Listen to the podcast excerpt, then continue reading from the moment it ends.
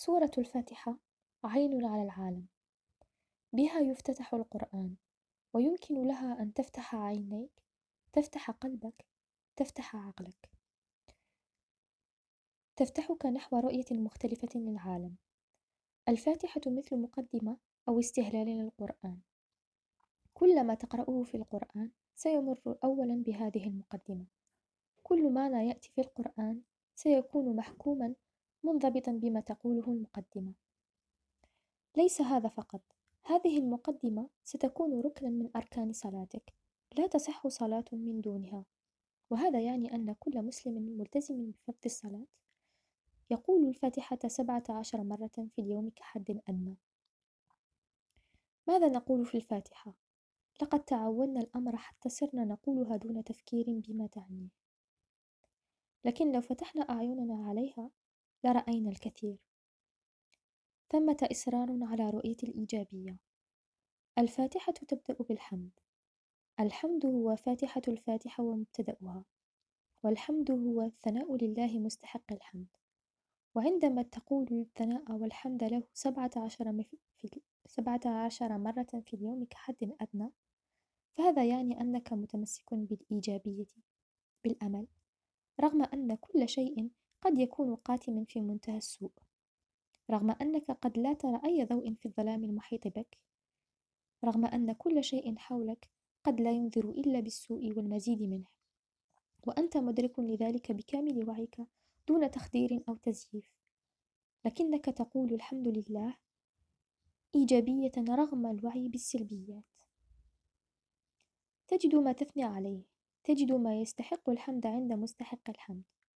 وتؤكد على ذلك سبعة عشر مرة في اليوم في عمود دينك.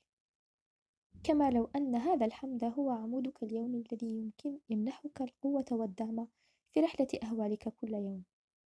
كل يوم مهما كان وضعك صعبا فإنك تقف لتشهر الحمد بوجه هذا العالم وظروفه وأوضاعه. هذا الحمد مرتبط في الفاتحة بثلاث صفات لله عز وجل. من بين كل صفاته وقدراته عز وجل. الفاتحة ثلاث تحدد ثلاث صفات فقط. رب العالمين الرحمن الرحيم مالك يوم الدين. رب العالمين يعني أنه رب الجميع حرفيا. رب الفقراء والأغنياء وأيضا أولئك الذين في الوسط. رغم رب الأصحاء, الأصحاء والمرضى. رب, رب المتعلمين والجهلة. رب النساء والرجال والأطفال والشيوخ. رب الناجحين والفاشلين. رب المشهورين والمغمورين.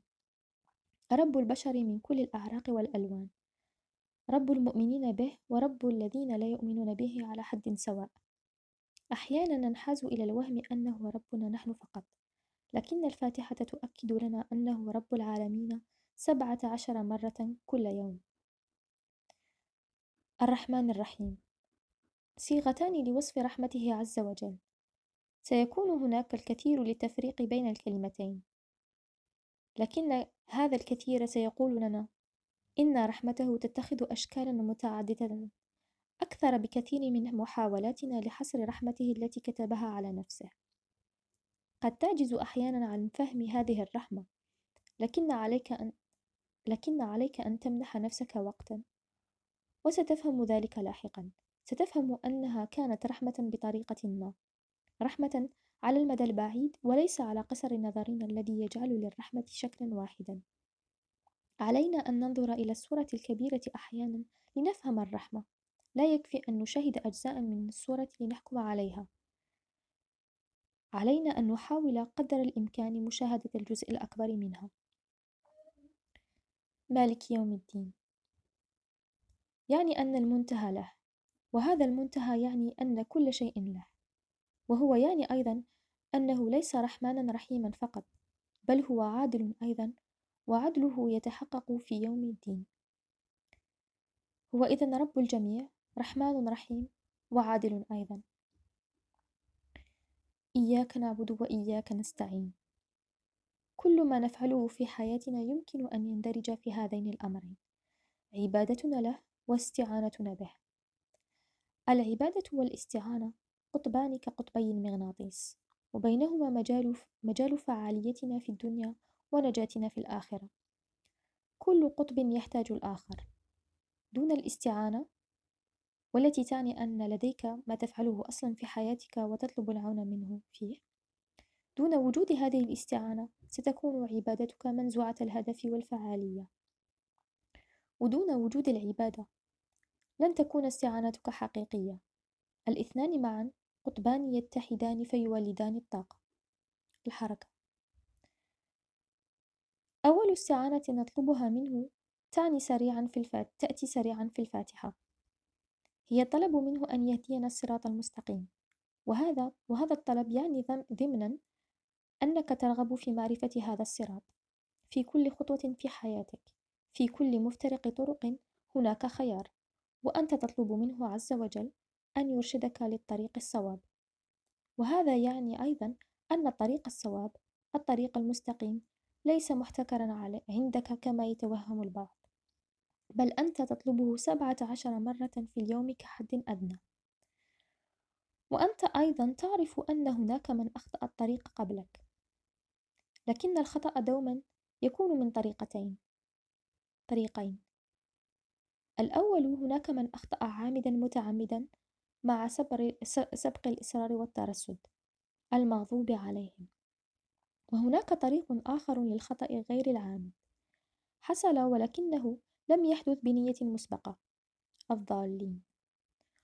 وأنت تؤمن بإمكانية وجود طريق ثالث غير هذين الطريقين. طريق الذين أنعمت عليهم بنعمة المراجعة والتقييم في كل خطوة على الطريق. سبعة عشر مرة في اليوم. الفاتحة فتح كل يوم تساعدك في تحقيق فتحك الأكبر. تفتح قلبك وعقلك وذاتك وعينك لتساهم في عالم أفضل. ولو كان هذا العالم هو عالمك المحيط بك فقط. أو على الأقل لتكون أكثر وعيا به. الفاتحة فتحك اليومي سبعة عشر مرة كحد أدنى.